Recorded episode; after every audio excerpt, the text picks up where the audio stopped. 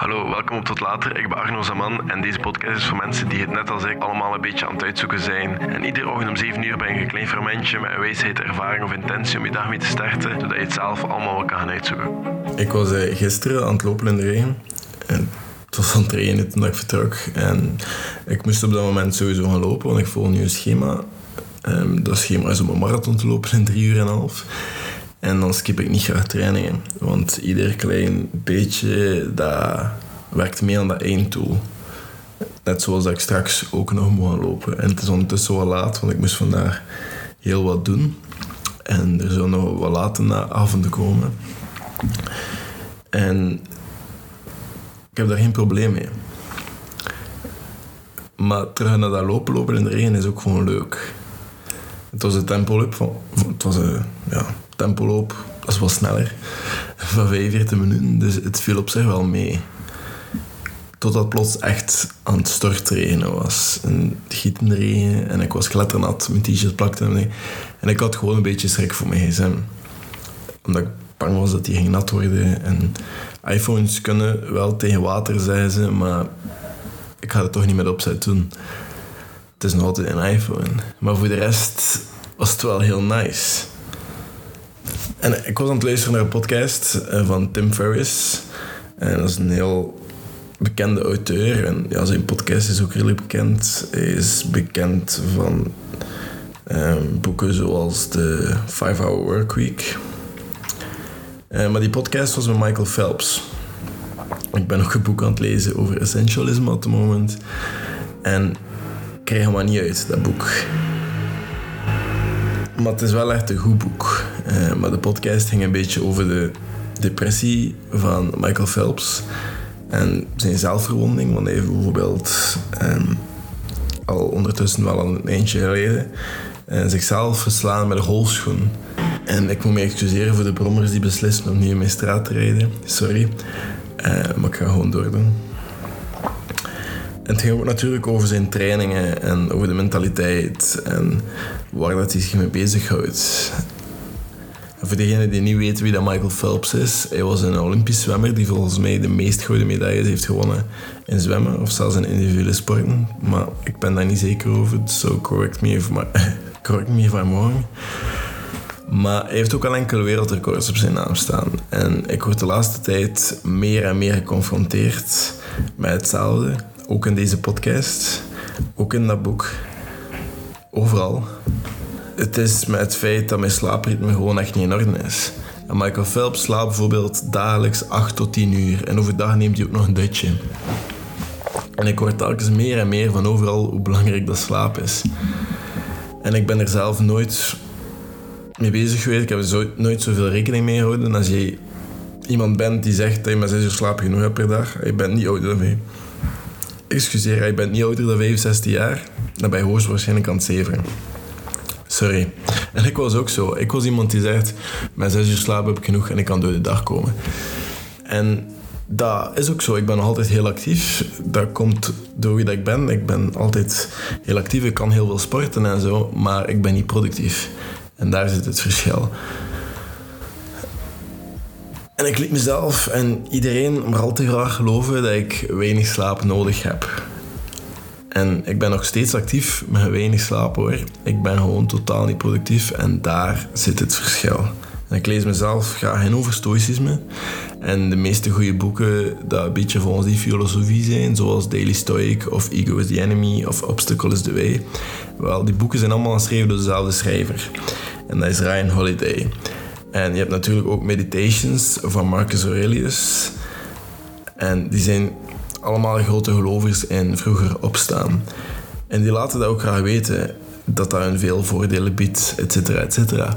En het internet staat ook vol van die early risers. En ik heb ook heel lang Jocko Willink gevolgd. Zijn Instagram is ook gewoon hetzelfde. Zijn Instagram zijn altijd zwart-wit foto's. En heel veel van die foto's zijn van zijn horloge om 4 uur s ochtends. En dat is een veteraan en die is er sterk in om zijn mening te uiten over het vroeg opstaan. Hij is daardoor ook bekend geworden. En hij gelooft erin dat als je vroeg opstaat, dat je veel succesvoller kan zijn. En ik kijk ook series of speel een beetje Playstation als ik even nood heb aan een momentje op mezelf om te ontspannen. En ik ben nu House of Cards aan het kijken. Eh, mensen die nog een serie zoeken. Als je zo graag van die smart talks of politiek checkt of whatever. House of Cards is een. En daar was er ook een in die serie, een biljonair die om twee uur s'nachts opstond. Dat had te maken omdat die zaken die met China en zo, en die hebben andere tijdzones. Maar die stond om twee uur s'nachts op en die zei ook early risers. En dat is een biljonair. En we worden zo'n beetje gehypnotiseerd door de media, door het internet, door alles wat we zien of consumeren, dat vroeger opstaan leidt naar succes. En ik hoorde in een audioboek ook vorige week eh, dat je een uur vroeger op moest staan en dat gaat het verschil maken. En dat boek noemde The Miracle Morning. Ik heb dat uitgelezen of uitgeluisterd in twee dagen. En dat ging eigenlijk ook gewoon over het feit dat je vroeg moet opstaan en al die dingen s ochtends moet doen en een ochtendroutine hebben. Maar het wordt er een beetje in smeden dat je vroeger moet opstaan. En ik wil dan proberen om dan vroeger op te staan. En na een tijdje merk je wel de voordelen. Waar je doet je ochtendroutine wanneer dan niemand wakker is. Je gaat gaan lopen zonder dat iemand op straat is en je begint. Maar wat allemaal totaal, wat allemaal totaal niet waar is, dat dat niet per se moet om vroeger op te staan. Want je maakt wel een tweede. Of als je vroeger opstaat, stel je staat om vier uur op en je doet je workouts en je doet alles wat dat... Allee, je gaat lopen en het is niemand op straat. Dat wil zijn dat je ook s'avonds gaat slapen wanneer dat alles gebeurt. En als jij bereid bent om die twee af te maken, zoveel te beter. Als jij vroeg kan opstaan, zoveel te beter. Maar ik heb mijn meest gezellige momenten en conversaties s'avonds. En ik wou dat ook niet opofferen. Meestal heb ik s'avonds ook mee een momentje, ook al is dat alleen of is het met andere mensen of whatever dat ik aan het doen ben.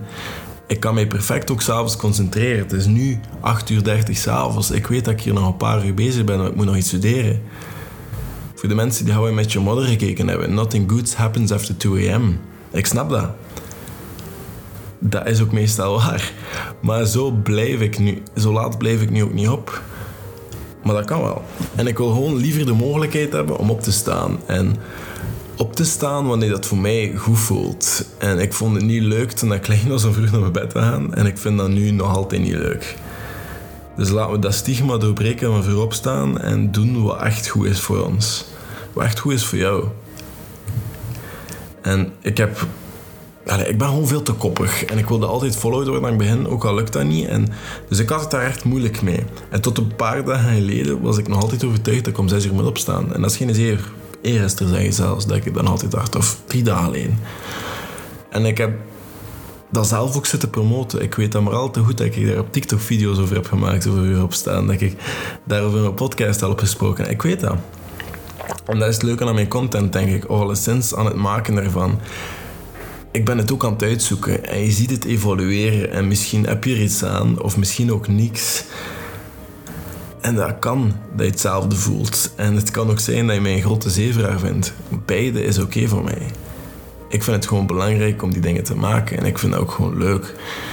En ik heb nu mijn routine op veranderd en omgezet naar iets realistisch. En, ik, en iets dat ik graag kan volhouden. En dat lijkt me ook gewoon doenbaar. Ik doe nog altijd heel veel.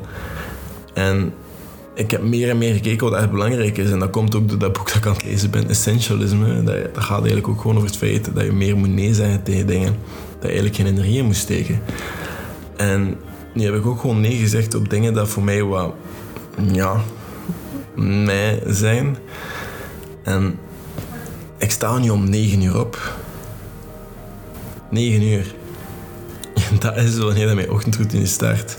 En ik kan meestal opstaan zonder wekker. Eigenlijk altijd. Vanochtend was ik wakker om 8 uur 45. En meestal slaap ik dan ook gewoon aan één stuk door. Want dan hoef ik niet te snoezen op mijn alarm. Wat dat super nice is. En zo kan ik ook perfect gaan slapen rond een uur of 12 of 1 of whatever, zonder dat ik schuldgevoelens moet hebben. En ik hoef, me ook, ik hoef mij ook niet druk te maken dat ik minder doe op een dag, want dat is totaal niet waar. Als ik genoeg slaap heb, ben ik meer gefocust. En als ik minder uren spendeer aan een project dat ik anders meer uren spendeer, omdat ik ochtends wat meer tijd heb, zo gezegd, doe ik in die uren hetzelfde dat ik nu in die minder uren doe, omdat ik meer gefocust ben over de, op de dingen dat er wel toe doen. Slaap zorgt voor veel. En dat zorgt voor jou, maar omgekeerd is dat ook waar. Als je te weinig slaapt, gaat het vroeg of laat tegen moet komen en ga je er last van hebben. En ik heb mijn strijd om vroeg te staan opgeheven. En ik ga dat nu honderd dagen proberen, samen met nog wat andere dingen dat ik moet doen. En ik weet als ik lessen heb of vergaderingen die om acht uur gebeuren, als de vergaderingen vanuit mij zijn, ga ik dat vermijden. Maar dat gaat anders zijn. Maar nu in augustus hoef ik er alleszins geen rekening mee te houden. Dus ik ga dat ook niet doen. Ik weet gewoon dat het voor heel veel minder stress zorgt. En voor veel meer rust. Dus als het je echt niet lukt om vroeg op te staan, pas je schema aan zodat je wel lukt om alles te doen. Want het is beter dat je er wel zin hebt om je dag te beginnen dan dat je er telkens tegenop kijkt. Iedereen heeft evenveel uren op een dag. Wanneer je slaapt en opstaat, is niet altijd relevant. Er zijn altijd uitzonderingen. Mensen die werken voor Wall Street moeten, moeten, moeten rekening houden met de beurskoersen en wanneer dat ze kunnen... Allee, ze moeten daar rekening mee houden met die uren.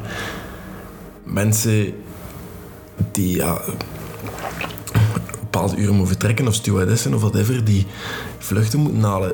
Oké, die moeten opstaan. Andere gevallen ook, maar dat is niet altijd. Er zijn uitzonderingen, maar op dit moment is dat voor mij wel een super groot verschil.